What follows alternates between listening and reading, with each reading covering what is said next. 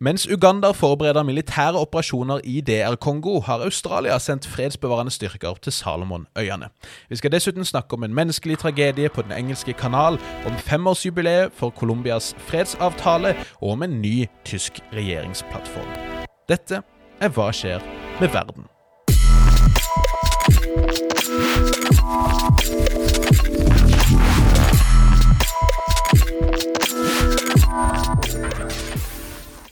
Hei og hjertelig velkommen til en ny episode av podkasten Hva skjer med verden? Denne podden for deg som er interessert i internasjonal politikk, krig og fred, og alt det røret som eh, foregår et sted midt innimellom der. Mitt navn det er Bjørnar Østby. Med meg har jeg som vanlig min gode kompanjong og makker Nick Brandal. God eh, iskald mandags formiddag til deg, Nick. God eh, morgen, Bjørnar. Ja, her kommer vinteren. Her kommer den fine, kalde tida. Nei, akkurat der tok Jo- Jokke feil, altså. Ja, han gjorde det. han gjorde det. Altså, Kulde lever jeg for så vidt greit med. Snø og slaps og is og tjafs. Less so. Men heldigvis så er det for, eh, foreløpig bart her i Oslo. Jeg skjønner at resten av landet ikke er like heldige, men eh, det blir vel vår tur snart, skal du se. Bjørnar er jo litt eh, deprimert, fordi normalt hadde jo han nå sett seg og glett seg til at han om en måneds tid skulle til Afrika med varme og sol. Name the country, Nick. Ja, hva var det igjen, da? En kommune som heter Tanzania. Mm.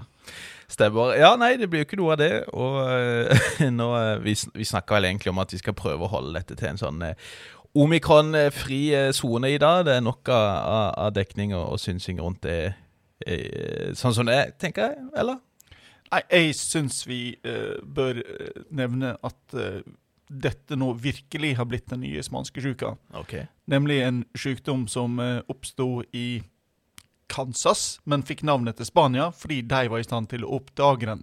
Mm. Nå har vi altså fått et virus oppdaga i Sør-Afrika, fordi Sør-Afrika har veldig høy virusberedskap og er i stand til å sekvensere virus og oppdage nye mutasjoner. Ja.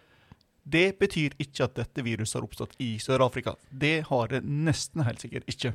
Nei, men det har jo ikke gjort noen forskjell, det. Fordi eh, man sperrer av håper jeg, nesten hele sørlige Afrika, selv om disse tingene sviver rundt i Danmark og Belgia og andre steder også, uten at de landene opplever de samme sanksjonene. Men sånn er det nå en gang, og så kan vi kanskje la det være med det. Vi har mye vi skal gjennom, så jeg tenker vi bare ruller i gang med vår ukentlige lille oppsummering.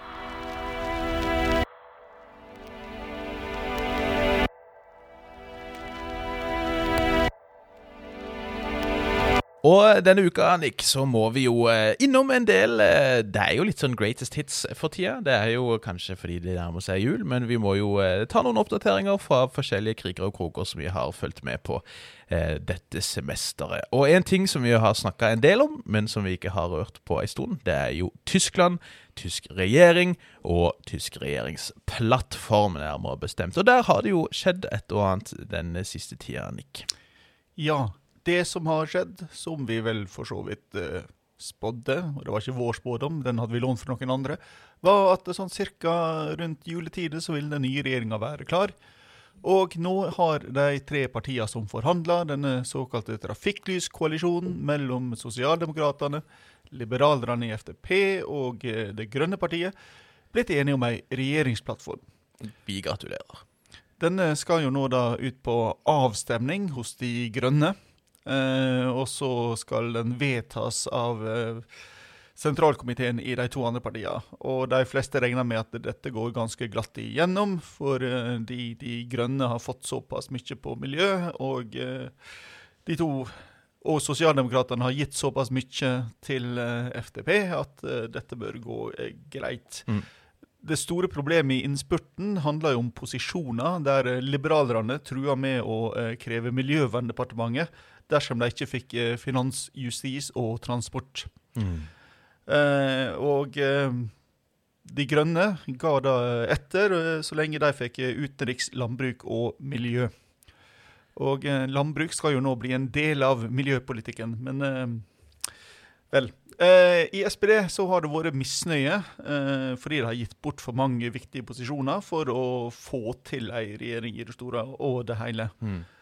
Så ja, hvor eh, visse likheter med Norge der også. Eh, det er jo særlig tre ting som det var viktig, men også vanskelig å få enighet om. Eh, og Det første av disse var ei kraftig miljøsatsing. Eh, det, ifølge plattforma skal det nå solcellepanel på alle bygg, både gamle og nye. Eh, kullkraft skal være utfasa, og 80% skal være fra fornybar energi innen 2030. Dette var jo allerede en del av tysk politikk, men de framskunda dette med åtte år. Eh, Gasskraft skal være ute innen 2040, med forbud mot å installere gassvarmere fra 2030. Så um, her bør det norske gasseventyret skyte full fart hvis vi skal få utnytta dette.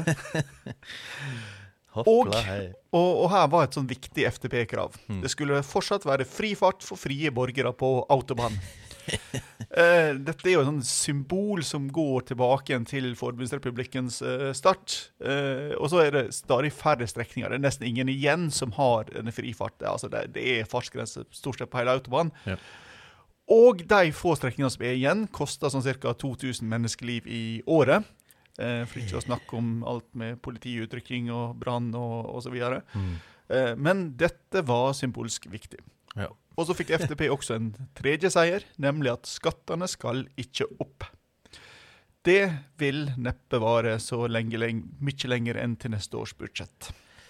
Ja, Vi må jo kanskje slenge inn en liten gratulasjon til våre svenske venner også, med deres første kvinnelige statsminister. Det ble jo litt sånn eh, litt styr den første dagen, men det, det virker vel å gå seg til nå, eller? Ja, eh, hvis eh, noe Svensk politikk skulle man jo ha trodd hadde nådd en viss modningsalder, men den siste uka tyder vel på at de fortsatt er i trassalderen. Eller at de har vendt tilbake igjen til den. Det, det, skjer, Det jo, det skjer jo det når man når en viss alder. Eh, Ja. Snakk for deg sjøl. eh, Men eh, eh, vi, vi kan jo gå et hakk tilbake til Tyskland. Fordi et av de temaene som særlig ungdomspartiet til Sosialdemokratene har kritisert plattforma for, er migrasjonspolitikken. Ja. Og at denne i beste fall er et steg til side, men de mener egentlig den er et steg tilbake. Mm. Og migrasjonspolitikk i EU ble jo aktualisert på tragisk vis i forrige uke. Når ja. det skjedde ei stor ulykke i den britiske engelske kanalen. mm. Det var jo da 27 flyktninger, de fleste kurdere fra Irak og Iran, som eh, drukna.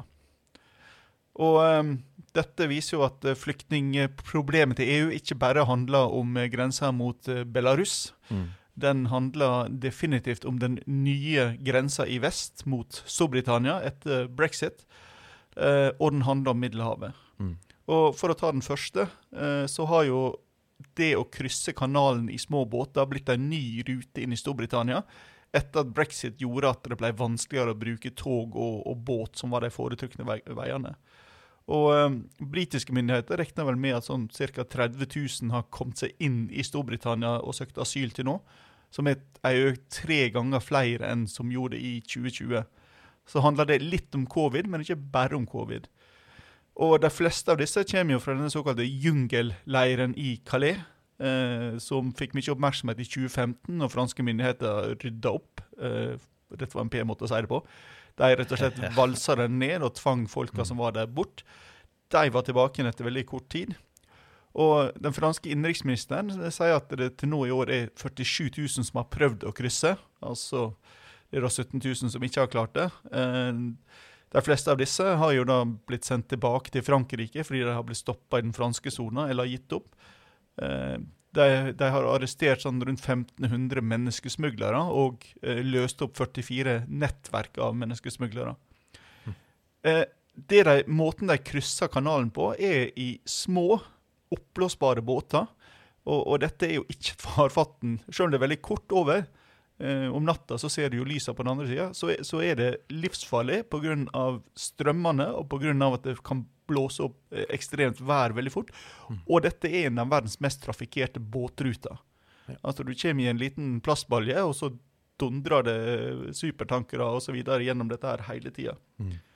Eh, og eh, den franske produsenten av idrettsutstyr, Decathlon, har suspendert salg av oppblåsbare båter, kajakker og kanoer i hele Nord-Frankrike pga. dette her. Yes. Og så blir jo dette politikk, og det blir brexit, og det blir Frankrike mot Storbritannia. Så her har vi både nye konflikter og gamle konflikter eh, låst inn i. Oppå denne fortsatt pågående fiskerikonflikten Yes. mellom de to. Ja. Yep. Og da er det jo eh, hvem som har ansvaret for denne grensekontrollen. Og de skulle jo da ha et krisemøte i Calais eh, på søndag. Eh, Med alle partene til stede, men der eh, fikk Storbritannia beskjed om å holde seg hjemme etter at Boris Johnson hadde sendt ut noen tweeter som eh, Macron mente var respektløse. Classic. Og Priti Patel, innenriksministeren i Storbritannia, som altså da har ansvaret for migrasjon, hun har jo da trua med å begynne med sånne såkalte pushbacks, altså skubbe disse båtflyktningene tilbake igjen i fransk farvann. Mm. Dette er eh, ulovlig, det er en brudd på internasjonale avtaler, og det vil være et brudd på fransk suverenitet. Ja. Så det er jo ganske kritiske greier. og Fagforeninga for den britiske kystvakta har jo allerede trua om å gå til streik dersom dette her blir gjennomført. Ja, ikke sant. Og så skal jeg si, Problemet oppstår jo pga. brexit. fordi eh, Så lenge Storbritannia var med i EU, så var det en del av den såkalte Dublin 3-konvensjonen, som sa at eh, flyktninger, asylsøkere, eh, skulle, saka skulle behandles i det første landet de ankom i EU. Mm. Uh, og det, og, og, så Tidligere så kunne Storbritannia sende disse tilbake til Frankrike. Det kan de ikke lenger, fordi de ikke har hatt tid, eller ikke orka, eller ikke funnet det viktig nok å forhandle fram en, ny avtale om dette. Og, og dermed så, så, så, så står du der da med at eh, Frankrike sier nei, hvis de er over i britisk sone, så har ikke vi noe ansvar. Da er det britene sitt ansvar å ta imot dem, behandle søknadene, og eventuelt klare å sende dem tilbake igjen hvis de vil det. Og så er det jo et problem at eh, selv om Frankrike ville Eller de vil jo ta et ansvar, eh, og de har jo begynt å prøve å sperre rutene ned til, til, eh, til strendene i, i Calais. Men altså, dette er ei kystlinje på over 300 km. Og dette er jo Europas mest klassiske smuglerrute, mm. langt tilbake igjen. Altså her Det var jo noen som sa om eh, brexit at uh, dette var liksom uh, 'make Cornwall great again'. Liksom. um, så, så det er ikke bare lett heller. Og, og Frankrike driver jo Samtidig som de da har denne greia med Storbritannia gående, så vil de jo at EU og denne Frontex-organisasjonen, eh, som har ansvar for dette i EU, skal ta over eh, ansvaret her for det som nå da er EUs ytre grense. Mm. Eh, Britene er ikke noe imot det. eller det de, de vil jo ikke ha EU-jurisdiksjon på i eget farvann. Eh, men de er mest kritiske til at dette vil ta tid å få enighet om. eh, og at det derfor nå må få en bilateral avtale med Frankrike. Eh, og det endte jo da opp med, at, med en tweet fra Boris Johnson, som sagt. Uh, Macron sa det var useriøst, og dermed så var ordkrigen i gang, mens løsningsforslagene blir færre og færre. Og så går jo dette inn i den større krisa for EU. Vi har jo de siste gangene snakka om Hviterussland, Belarus. Men uh, i antall så er jo det relativt få sammenligna med det som fortsatt kommer over Middelhavet. Mm. Altså, Vi snakker jo om 35 000 båtflyktninger som har blitt redda av Frontex til nå. De aller fleste av dem i Middelhavet, og resten på vei til Kanariøyene. Mm. Så um, dette er ei krise eh, på absolutt alle nivå for EU. Det er ei flyktningkrise, det er ei humanitær krise, det er ei moralsk krise, og det er ei etisk krise. Og, Og til dels diplomatisk krise også. og, og, si nå, sånn. ja, og ikke minst diplomatisk. Ja. Ja,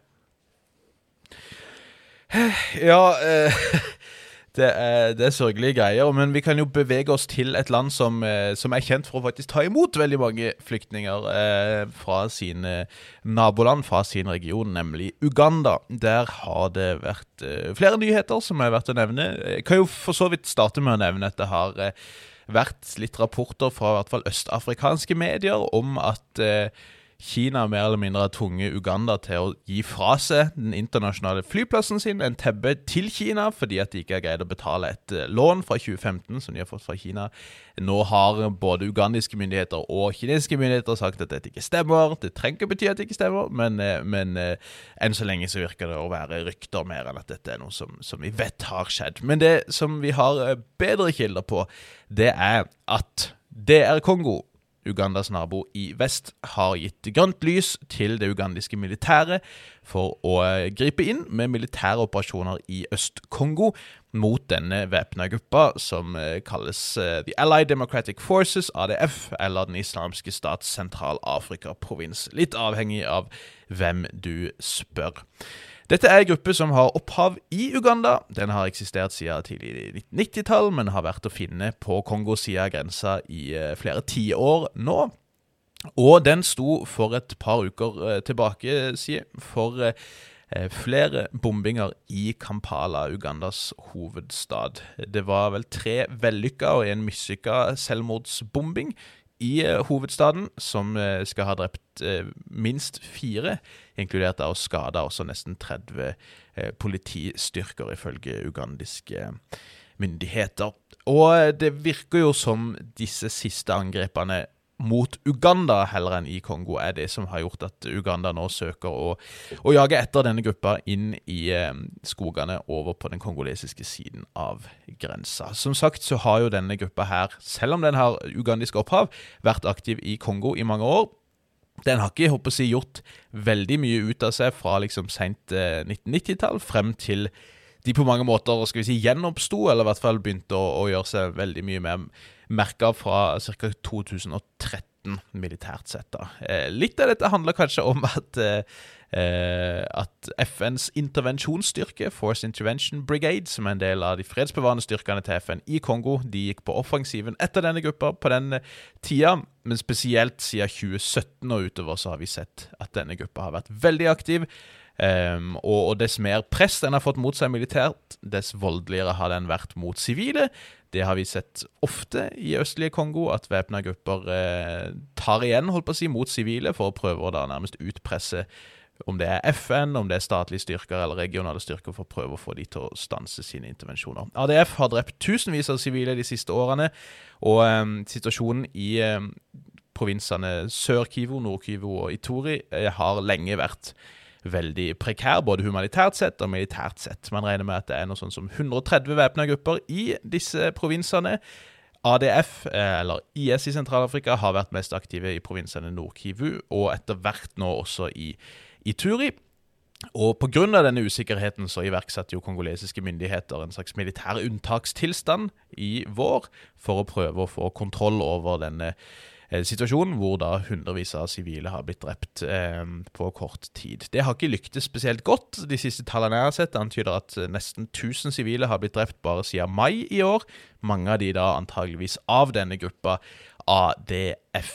Og eh, nå som denne gruppa da tilsynelatende er sterk nok, og, og, og, kanskje ved hjelp av ISs si, ressurser og ekspertise da også har, har opparbeida seg kompetanse og, og, sterkere nettverk til å angripe i Uganda, så ser det ut som Uganda ønsker å deale med dette problemet militært ved å rykke inn i Kongo. Og det er nok ikke spesielt gode nyheter, får en si. Eh, østlige Kongo mye av grunnen til denne fryktelig fragmenterte uh, sikkerhetssituasjonen er jo nettopp en serie med regionale intervensjoner, egentlig siden slutten av folkemordet i Rwanda og frem til i uh, nyere tid, hvor både Uganda og Rwanda spesielt har stått for flere intervensjoner selv, men også har støtta en rekke forskjellige væpna opprør i disse områdene. Ugandans militære har vært tungt involvert i mange av de væpna nettverkene i østlige Kongo. De har eh, dels vært med å håper jeg, nærmest opprette noen av disse væpna gruppene, så spesielt i provinsen Ituri, hvor vi har hatt fryktelig voldelige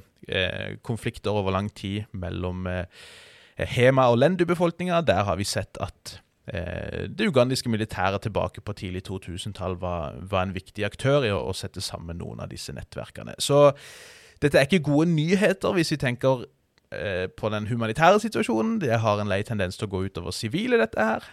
ADF oppholder seg til dels blant sivile. De virker å ha um, opparbeidet seg en del støtte og, og, og, og si, tilhørighet lokalt i de områdene de opererer. Så dette er nok neppe veldig, veldig gode nyheter, får man si. Men vi ser jo at det er stadig mer fokus på dette med skal vi si, voldelig ekstremisme og terrorfaren også blant østafrikanske stater.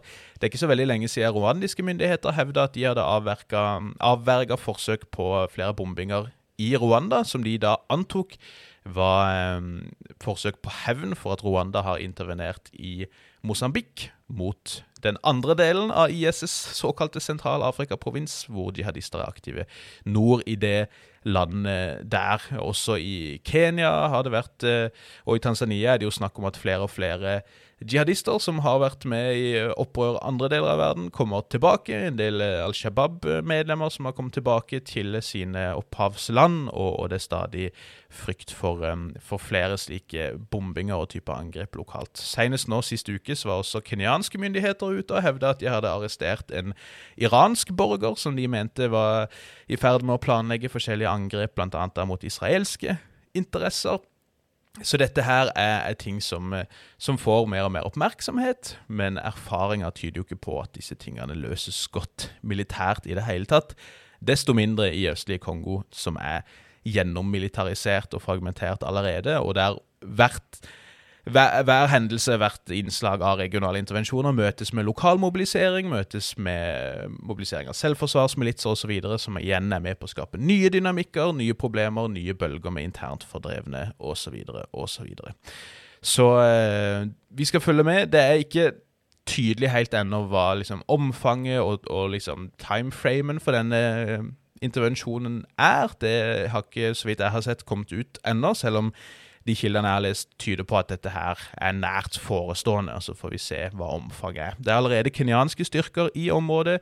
FN er der. Det finnes en rekke forskjellige aktører som, som allerede er på saken, uten at det har gjort ting nevneverdig bedre. Og, og nå er jeg kanskje litt pessimist, men jeg, jeg, jeg, tror ikke dette vil bli stort bedre av at også Ugandas militære, med deres rulleblad i regionen, eh, griper inn. Den, den tyske militærfilosofen von Clausewitz har jo blitt kjent for sitat sitatet om at krigen krigen av politikken med andre middel. Mm. Men her kan jo virke som skillet mellom krig og politikk er praktisk talt ikke-eksisterende. Ja, det kan man kanskje si. Eh, det kan man kanskje si, Og så er det jo også, selv om det nok av og til overdrives, så er det jo et sterkt element også av økonomiske interesser, fordi at dette er en vanvittig ressursrik region. Eh, Rwanda spesielt har tjent store summer på å holde ressursrike områder i Øst-Kongo under den andre Kongokrigen. De hadde kontroll over eh, gruver hvor man finner eh, koltan, eller kolumbitt-tantallitt. Og hadde kontroll over de akkurat da koltan booma rundt årtusenskiftet, da PlayStation 2 ble lansert og flere nye telefoner kom på markedet, der man tenkte dette stoffet til mikrochipper osv.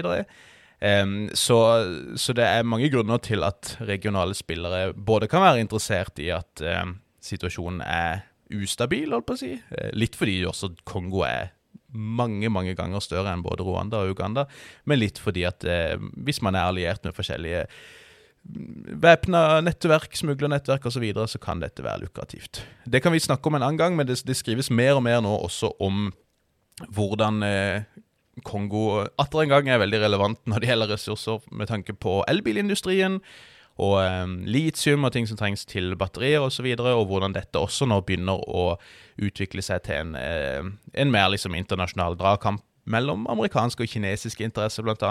Kinesiske selskaper er tungt involvert i regionen, så akkurat før vi spilte inn at flere kinesiske arbeidere har blitt arrestert, eller kidnappa, rettere sagt, av væpna grupper i Kongo nå. Eh, men, men, dette er kjempekompliserte greier, og, og, forsøk på å deale med konfliktmineraler, såkalt, som den eneste forklaringa på konflikten, har bare gjort ting langt verre. Så, så, vi får heller gå litt i dybden på det en annen gang, tenker jeg. Norge har ikke bidratt så veldig mye til militærhistorien, men uh, det er to uh, unntak. Uh, det ene er Åsens håndgranater og antipersonellminer, som franskmennene brukte under første verdenskrig. Aasen eh, var norsk offiser. Han fikk eh, permisjon for å utvikle dette og selge til franskmennene. Men eh, den andre er litt mer relevant for neste sak, og det er at det er kong Sverre. Okay. Som under slaget ved Kalveskinnet eh, var den første eh, militærlederen som ikke gikk i spissen for troppene sine. Han sto ja. i stedet for på ei høyde og hadde overblikk og dirigerte dem.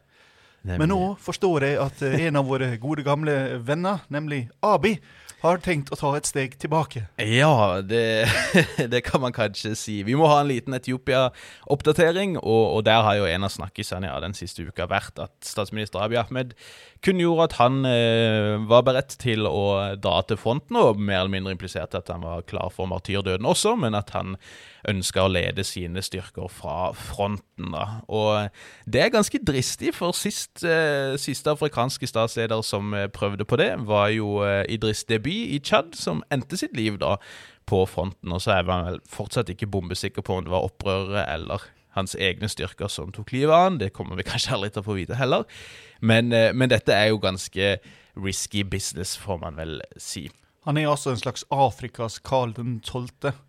Man er fortsatt ikke sikker på om den eh, kula kom kommer bakfra eller forfra. Helt riktig. Men, eh, men nordmenn insisterer på at den kom forfra. ja, og det vil vi nok fortsette å gjøre. Um, det, det var faktisk ikke bare Abiy Ahmed som sa at han skulle til fronten. Også den kjente svært uh, suksessrike løperen Haile Gebrselassie har sagt at han skulle ut til fronten og, og forsvare Etiopia i den eksistensielle krigen, som det blir kalt. Um, så skal det sies at litt, det, det, gikk flere dager før man så noe til Abi, og så kom det etter hvert ut filmer der og et intervju med han fra fronten. Uh, og så er jo så klart uh, de som betviler at dette egentlig er på fronten, men han sa han hadde dratt i hvert fall til fronten Eh, i Afar-regionen, som da ligger nordøst, og, og som da eh, utgjør den skal vi si, østlige fronten, for, eh, som både geografisk ligger til øst for Tigay, men der også da eh, TPLF har eh, gått på offensiven ut av sine egne grenser da sørøstover inn i Afar, da antageligvis for å prøve å ta kontroll over denne ene hovedfartsåra ut til Djibouti, som, eh, hvis man får kontroll over den, vil være med på å, å strupe mange i hvert fall av myndighetenes forsyninger ganske raskt. Nå vet ikke jeg hvor mange etiopiske lyttere vi har, men vi har en helt klar historisk lærdom her. Det kommer aldri noe godt ut av at politikere blander seg inn i militær strategi.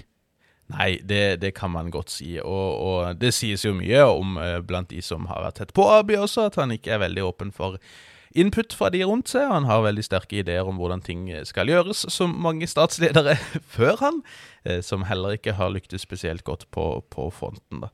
Um, altså Bare for å ta det, da. Og jeg, jeg tror gjerne han har vært i Afar, det, det, men, men uh, de, de, som har vært skeptiske til det, det har jo påpekt at han står liksom på ei slette og sier at fjellet dere ser bak meg, det, der var akkurat uh, Eh, TPLF-terroristene, liksom, og vi har tatt dette tilbake. Og så kan man se refleksjonen i brillene hans sine, og der ser det paddeflatt ut, så å si.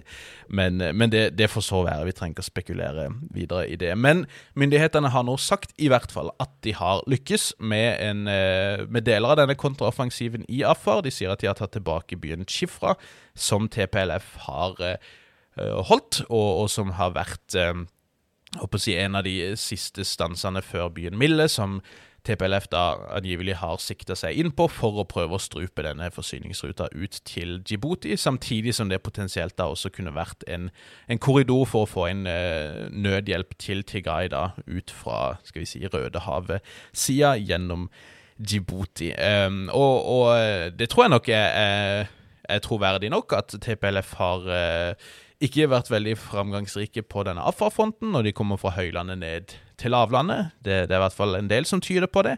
Eh, at, at, det har eh, stagnert der, men, men, det sies jo fortsatt, i hvert fall fra TPLF-kilder, si, at, de, at de rykker framover nærmere Addis. Det, eh, det, har vært kamper om byen Debrezina, som ligger 220 km fra Addis den siste uka. Det er snakk nå om at eh, TPLF sammen med disse opprørerne i Oromo Liberation Army avanserer mot Debre Birhan, som ligger enda nærmere Addis. Men disse tingene er jo fryktelig vanskelig å etterprøve, og, og, har ikke blitt noe lettere å etterprøve heller etter at myndighetene i Etiopia kom ut med nye eh, regler og direktiver, bl.a. om dekninga, pressedekninga av konflikten. Nå har man sagt at eh, ingen andre enn liksom statlig sanksjonerte type eller godkjente medier får lov til å dekke krigen. De får ikke, de får ikke lov til å dekke militære manøvre eller ting fra fronten eller noen ting.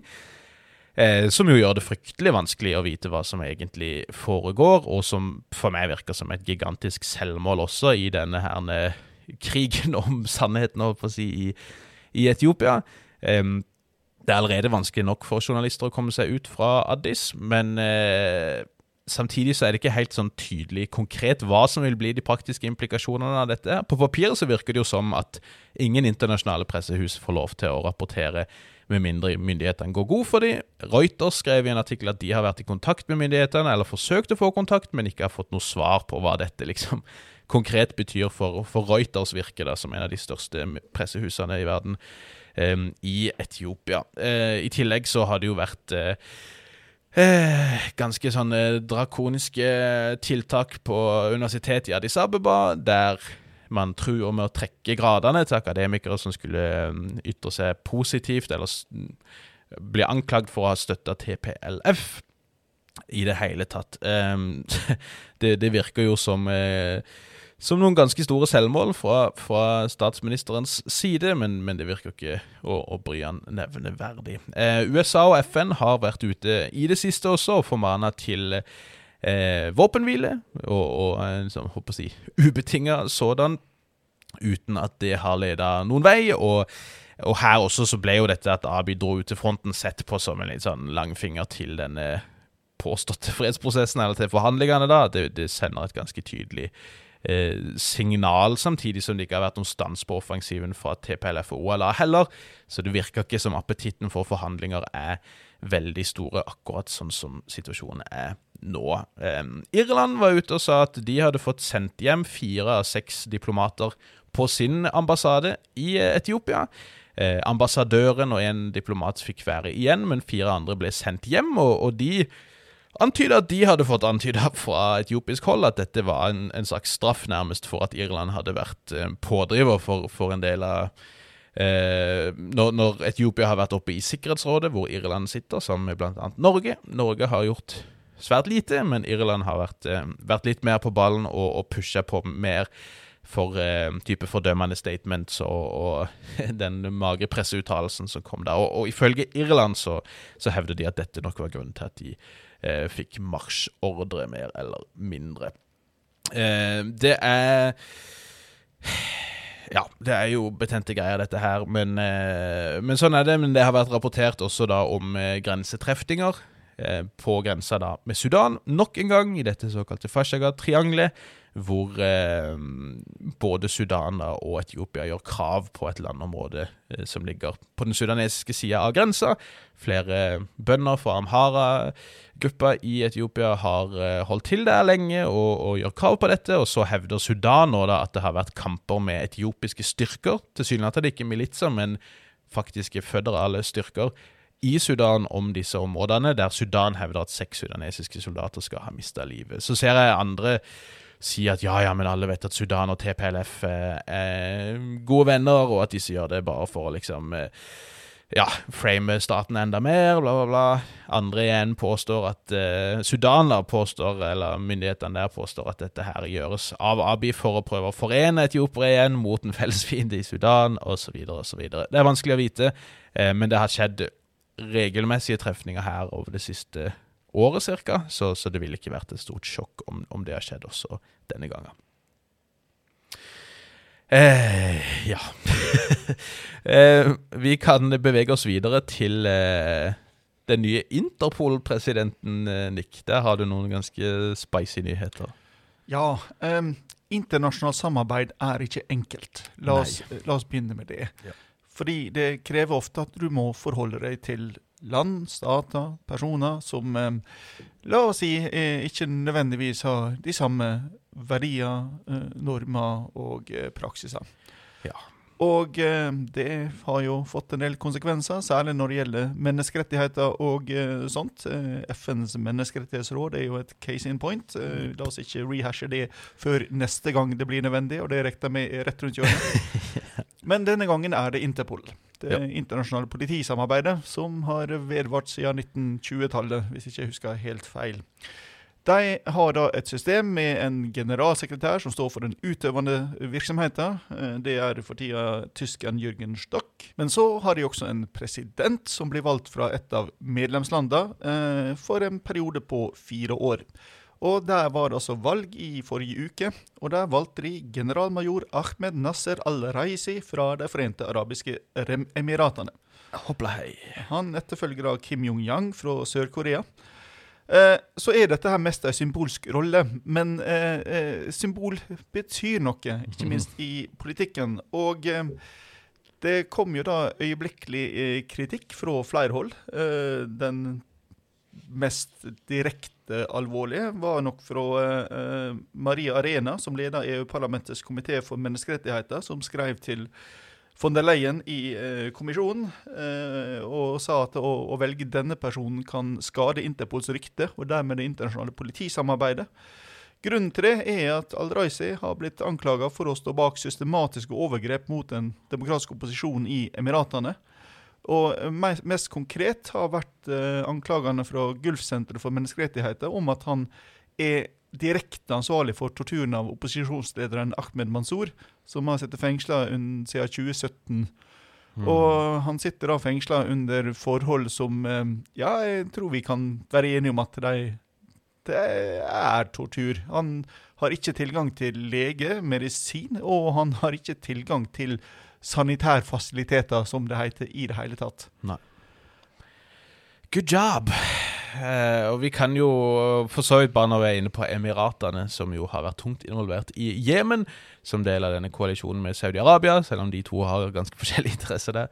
Eh, vi, vi, nevnte sist uke voldsomme slag i Jemen for tida, men eh, det har også kommet ut noen nye beregninger fra en FN-agency som estimerer, og dette her er jo estimater et best, holdt på å si, eh, estimerer at ved utgangen av 2021 så tror man at 377 000 mennesker har mista livet direkte og indirekte som en følge av krigen i Jemen eh, de siste fem-seks årene. Nesten 400 000, altså, anslår man. og det det er basically umulig å vite hvor mange det er, men det vitner jo om eh, hvor omfattende og, og fæl denne krigen og den humanitære konsekvensene av krigen har, eh, har vært, men hvor da Emiratene har vært en, eh, en betydelig spiller i seinere tid.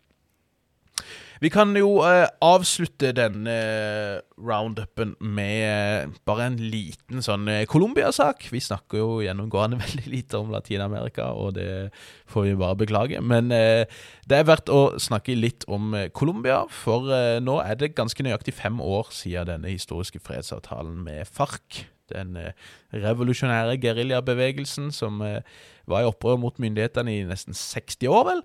Denne avtalen kom på plass 24.11. i 2016, og nå har vi jo da akkurat bikka fem år siden den tid. Og uh, det har jo skjedd noen utviklinger som kanskje er positive. Det er i hvert fall akkurat kommet ut at uh, Eh, det amerikanske eh, Altså, Biden-administrasjonen har sagt til Kongressen at de kommer til å fjerne FARC fra lista over internasjonale terrororganisasjoner. Der har de vært oppført siden 1997, og det virker jo som dette naturlig nok har ført med seg mye stigma også for tidligere FARC-medlemmer som prøver å bli reintegrert i samfunnet, men nå har man da altså tatt en beslutning, høres det ut som, basert på amerikanske kilder, at, eh, at FARC skal av denne terrorlista. Um, når det gjelder Colombia, så kan vi jo ta en liten link tilbake til Etiopia. For Guterres, eh, generalsekretær i FN, uttalte nå på denne femårsdagen at eh, fredsprosessen i Colombia var en slags inspirasjon og ga en håp da om en løsning også i Etiopia. Eh, men også da om viktigheten ved å få på plass en våpenhvile, fordi vi har sett at en våpenhvile kan føre til en slags bindende fredsprosess. Men det er jo, Tanken er sikkert god, den, men, men, jeg ser jo at de som følger med på Colombia og colombiansk politikk og sikkerhetssituasjonen der, de opplever vel ikke at det er veldig mye å, å feire nå fem år etter denne fredsavtalen. Litt av det handler jo vel om at det kom en ny president inn, ikke så lang, lang tid etter denne fredsavtalen kom på plass, og han har til dels undergravd denne avtalen. Men et uh, et større problem er jo at man ikke har deala med mange av problemene som eksisterte under FARC sin uh, operasjonstid, håper jeg, og, og, som fortsetter å eksistere nå. Man har ikke deala med kokain, f.eks., eller disse under, uh, underutvikla Det er et litt teit ord, men, men, skal vi si marginaliserte, økonomisk marginaliserte områder. Fordi man ikke har greid å deale med kokainvirksomheten, så har jo FARC, som har blitt demobilisert, har bare etterlatt seg et enormt vakuum som har blitt fylt av andre aktører. Denne gamle revolusjonære geriljabevegelsen ELN er i høyeste grad aktive og er så voldelige som de har vært eh, på noe tidspunkt før, mer eller mindre. Men så er det jo også da flere narkokarteller, eh, bl.a. dette såkalte Gulf-klan-kartellet, som har vokst seg virkelig sterke i dette vakuumet som FARC har etterlatt seg. De er fryktelig voldelige.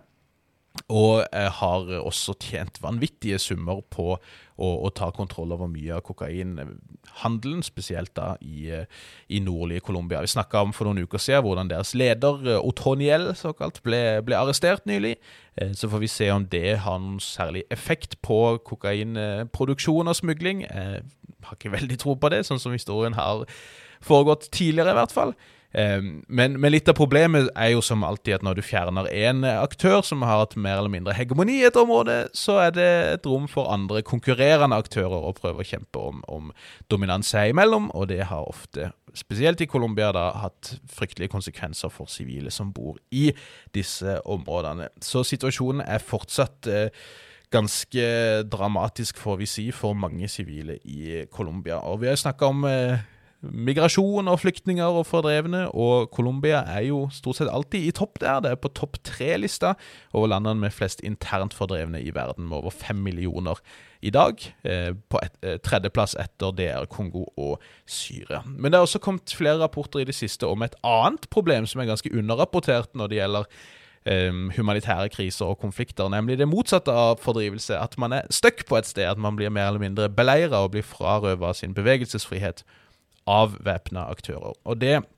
rapporteres om at en rekke områder og, og flere titalls tusen sivile i Colombia opplever dette i dag. At væpna grupper da Man har sett disse kartellene tvinge sivile til streik, f.eks. Man ser at eh, man har minelagt landbruksområder eller lignende, og, og på en måte tvunget sivile til å oppholde seg der de er. Man har iverksatt portforbud, kommet med en rekke trusler, utpressing osv. Eh, og dette har jo ramma desto hardere under pandemien, som gjør at mange syke som trenger medisinsk hjelp, ikke kan forlate sine hjem i frykt av å bli skadd, kidnappa eller drept av væpna grupper. Så det er en ganske ja, hva skal vi si? Du, vi blir veldig Jeg blir i hvert fall ganske sånn kynisk og pessimistisk i denne episoden, merker jeg, Nick. Men sånn er det. Men, men eh, jeg vil, jeg vil, ikke kanskje løfte frem Colombia som et eh, eksempel på hvordan man bør gå frem i, i, Etiopia. Man har ikke egentlig løst noen særlig av de underliggende problemene.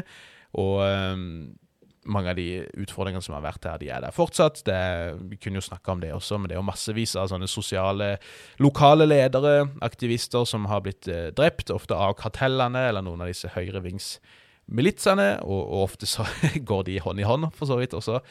Um, så ja, ikke kanskje verdt å, å feire sånn kjempe fem år etter.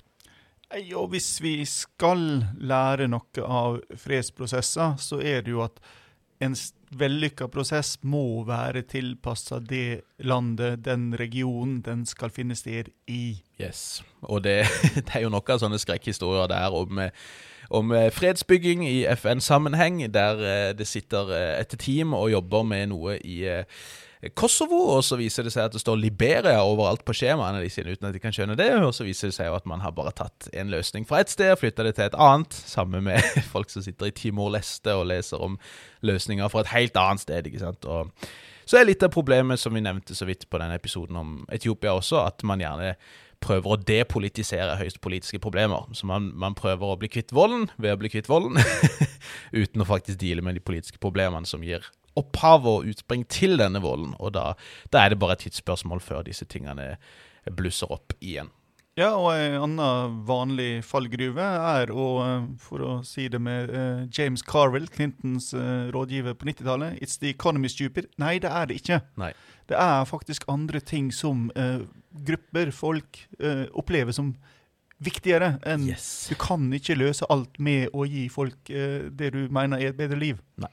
Politikk er overalt, og alt er politikk. Og dessverre så risikerer man veldig ofte også å belønne væpna motstand. Det er litt av problemet i Sudan. Hvis du skal komme deg til forhandlingsbordet, så må du først ta til våpen og bli et problem nok til at man ønsker å forhandle med det.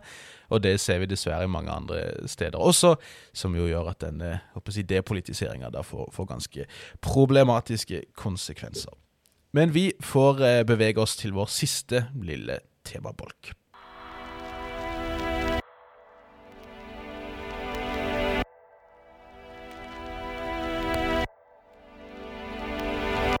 Det har vært et år eh, med mange eh, skal vi si dårlige nyheter hva gjelder kupp, Nick, og en ganske lei trend på den fronten der. Ja, eh, og vi har jo snakka en, en, del om dette med democratic backsliding. Som der det, det, det vanlige måten demokrati går under på, har vært en sånn sakte prosess. Mm. Men 2021 har vært en liten renessanse for kupp. Og, og, vi tenkte jo da at vi skulle se inn i krystallkula vår og komme med spådommer som om et år kommer til å framstå som veldig dumme. om to uker, sikkert. Antakeligvis om to uker. Eh, og eh, egentlig eh, så burde vi da delt dette i to. Eh, ja. Spådommer om hvor vi frykter det vil komme kupp, og spådommer om hvor vi håper det vil komme kupp. Nå skal vi være veldig forsiktige her. Men eh, vi kan jo starte med Jeg tror vi skal kanskje holde oss mest til den første delen. Henrik. Men eh, eh, vi hadde litt lyst å, å snakke litt om hvor eh, det neste kuppet kan komme. Vi har jo hatt kupp i eh, Myanmar, vi har hatt et kupp innad i et kupp i Mali, vi har kupp i Guinea, og vi har eh, i prinsippet hatt et kupp i, innad i et kupp i Sudan og i Tsjad også, for så vidt. Så det begynner å bli en del til nå. Ja, og Myanmar er jo et av de plassene der vi egentlig burde håpe det kommer et kupp. Inn i kuppet. ja, kanskje. Det, det, kan bli vanskelig, men, eh, men eh, et, et, land som stadig nevnes også før de siste eh, ukenes hendelser som en het kandidat for et kupp, det er Burkina Faso. og det er flere grunner til det, for så vidt. Men situasjonen minner jo ganske mye nå om det vi så i Mali i eh, høsten 2020, da militæret begikk statskupp der. Eh, det har vært store demonstrasjoner nå de siste dagene i Burkina Faso mot både myndighetene, men også mot Frankrike. Faktisk, over eh, da spesielt den manglende beskyttelsen av sivile i landet i, uh, altså Burkina Faso det, det, er kanskje vanskelig å se for seg i dag, gitt at det er så mye jihadistaktivitet i landet. Men veldig lenge så ble jo Burkina Faso sett på som et uh, skal, vi sagt, skal vi si et slags hederlig unntak til, til liksom den regionale ustabiliteten som har pre prega mye av Vest-Afrika både under den kalde krigen og spesielt i 1990-årene, tidlig 2000-tall, hvor Burkina Faso langt på vei var forholdsvis stabilt og, og fredelig, og der man snakka mye om liksom, hvor imponerende dette nasjonale samholdet og, og sånt var i Burkina Faso. Men siden 2015 så har det pågått væpna opprør i landet, leda an av disse jihadistene i uh, gruppa Jenim, som er en slags sånn, skal vi si, regional paraplyorganisasjon satt sammen av forskjellige eh, jihadistgrupperinger i, i, Mali og Niger og Burkina Faso, som da har sverga troskap til Al Qaida for noen år tilbake. Eh, I tillegg så har vi også den såkalte islamske stat i Stor-Sahara. Begge disse grupperingene er aktive i både Mali, Niger og Burkina Faso. De eh, er stadig i konflikt med hverandre, og begge har også vært aktive i Burkina Faso siden 2015. Siden den gang så har flere tusen sivile mista livet, i tillegg til veldig mange statlige styrker, politistyrker og militærpoliti. Man anslår vel at noe sånt som 1,5 million cirka har blitt fordrevet i Burkina Faso. Og Forståelig nok så begynner frustrasjonen med myndighetene å vokse seg sterkere og sterkere. I demonstrasjoner både i hovedstaden Ouagadougou og i nord i landet så har det vært eh, mye snakk om hvor inkompetent dette eh, regimet er. Man snakker om at de er ja, korrupte, ikke fit for purpose osv., og, så og at det er time to go etter syv år da som denne regjeringa har satt med failure, var det en demonstrant som sa. og disse mm, frustrasjonene har naturlig nok kanskje kokt over nå den siste uka cirka. etter da, for et par, uker tids, eh, par ukers tid siden, det var et angrep nord i landet mot en leir som eh, tok livet av 49 eh, militærpoliti og fire sivile, antageligvis. da. Så 53 som ble drept i ett angrep utført av jihadister, antageligvis da av Jenim, kanskje av IS. Dette er det dødeligste angrepet til nå i dette snart seks år gamle opprøret. Og, og, det ser ut som dette her rett og slett har fått det til å bikke litt. Og Som sagt så er ikke demonstrasjonene kun retta mot myndighetene, som man mener da, mange i hvert fall mener må gå, men også mot Frankrike og mot denne operasjonen Barkan, som da er en franskleda intervensjon egentlig i, i Sahel. Ehm, faktisk så ble en fransk militærkonvoi stoppa flere steder av demonstranter. Den eh, ble til slutt sendt til Niger. Litt usikker på om man var ment å gå dit i første omgang, men eh, det er interessant å se at det har vokst fram såpass stor frustrasjon med Frankrike og den franske intervensjonen i et område der nærværet ikke egentlig har vært veldig stort. De har vært uh, mye mer til stede i deler av Mali enn i Burkina Faso men, men disse frustrasjonene her er, er slående. Og eh, i Burkina Faso som i Mali så ser vi jo også langt på vei at, at uh, Forsvaret er hengt ut til tørk ute i periferien. Noen interne dokumenter som har blitt lekt, antyder at den leiren som ble drept, har slitt veldig med matforsyninger i lang tid. Forsvaret er um, både underbemanna, underbetalt, det er dårlige forsyningslinjer osv. Og, så og disse frustrasjonene her var jo med på å, å feede inn i dette kuppet i Mali i august 2020, som ble gjentatt i våres. Um, og det er, ikke, det er, langt ifra utenkelig at noe sånt vil skje også i, i Burkina Faso i, i nærmeste framtid. For de av oss som eh, lærte uh, internasjonal politikk gjennom å spille brettspillet Risk, så virker det her åpenbart at Burkina Faso burde alliere seg med Storbritannia. I en sånn felles fransk, antifransk allianse. Ja, det, det, kan du si. Jeg tror nok man i økende grad ser uh, andre steder enn en begge de to, helst. Uh, uten at alternativene kanskje er så mye bedre. Men det er interessant at det er en uh, afrikansk-kinesisk summit i Senegal for tida afrikanske ledere må jo være møkk lei av disse forbaska eh, summitene som man skal arrangere hele tida, hver gang en eller annen ny statsleder eller utenriksminister har en fiks idé om hvordan de skal fikse noen ting som de ikke forstår i det hele tatt. Men nå er det altså en kinesisk-afrikansk summit i Dakar i Senegal, hvor da Senegals utenriksminister etter en samtale med Kinas utenriksminister sa at de håpte at Kina ville være mer involvert i kampen mot terror i Sahel. Som om ikke det er nok aktører som har mislyktes der allerede. Men her ser jo jeg åpenbar mulighet, hvis det er riktig, som uh, vi snakka om uh, tidligere, at Kina har tatt over flyplassen i Entebbe. Så kan jo Kina spille inn en ny versjon av den klassiske filmen 'Raid på Entebbe', med kinesiske elitesoldater i hovedrolla, som redder, redder situasjonen i et afrikansk land. Ikke sant?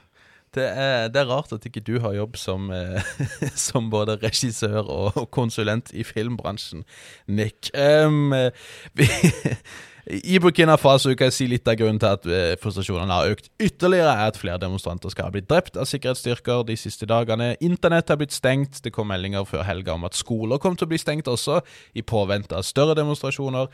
Eh, så der, der håper jeg sannsynligheten var forholdsvis stor for kupp allerede, så, så, er nok ikke den blitt lavere nå. Så kan det jo sies også at det har lenge vært bekymringer over at disse eh, angrepene fra jihadistene skal spre seg stadig lenger sørover, inn i disse kyststatene i eh, den vestlige delen av Guinea-bukta. Eh, dette starter jo i uh, utgangspunktet i Mali, og så har det spredt seg til Niger og Burkina Faso.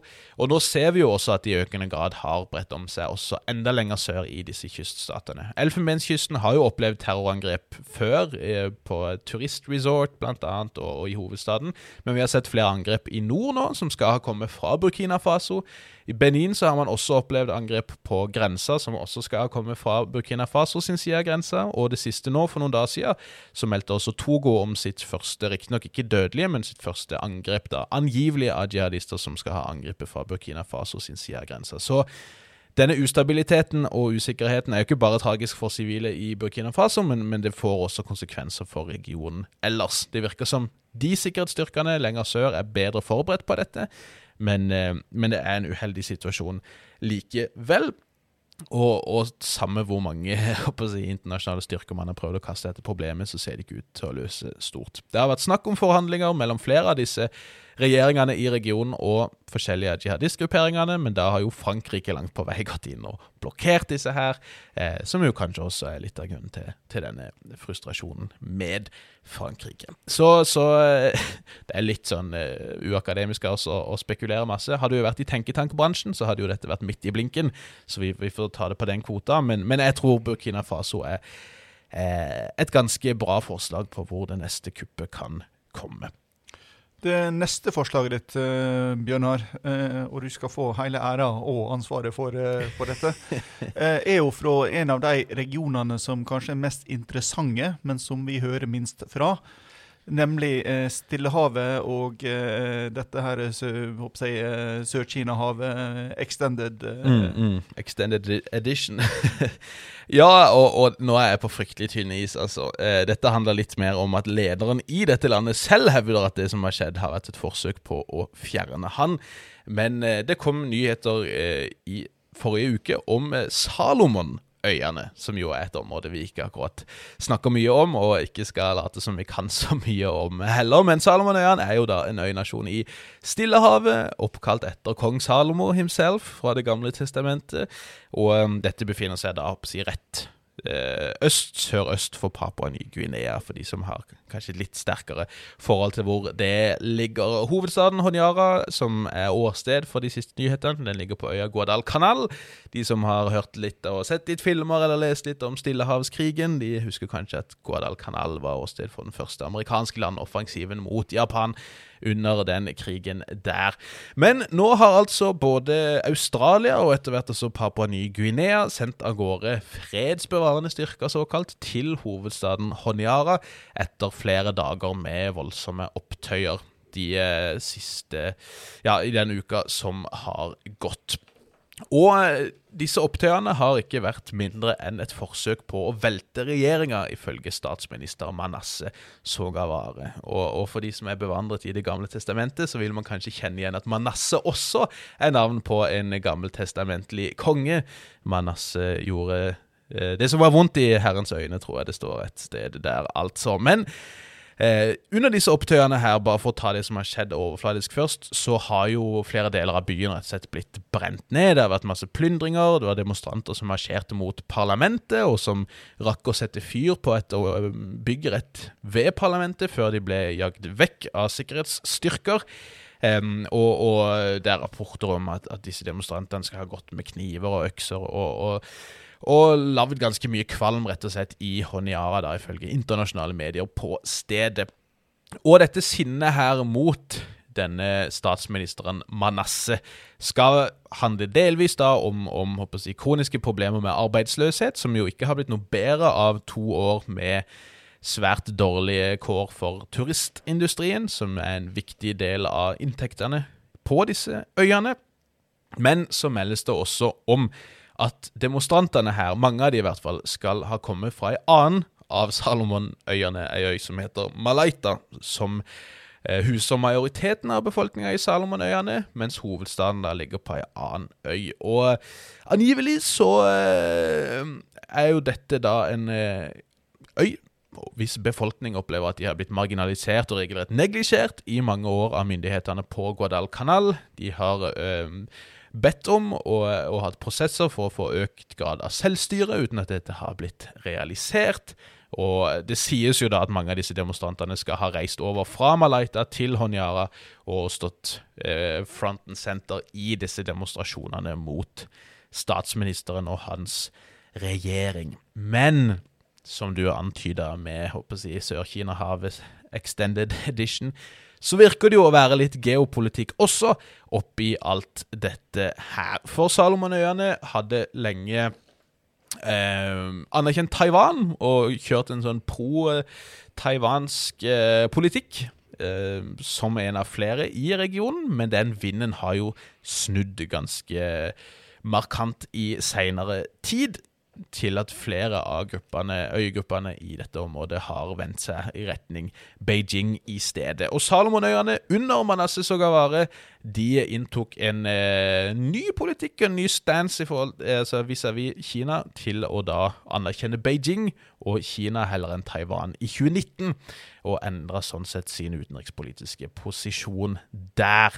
Og nå så impliserer jo da statsministeren eh, i Salomonøyene at det var fremmede makter som sto bak eh, disse demonstrasjonene. At det er de som har prøvd å mobilisere demonstranter for å velte han, som en straff for hans pro-kinesiske dreining. Denne øya Malaita skal visstnok være mer antikinesisk av forskjellige årsaker, og CNN meldte om at USA skal ha gitt 25 millioner dollar i utviklingshjelp til Malaita, som er sånn, som 50 ganger mer enn det de vanligvis får.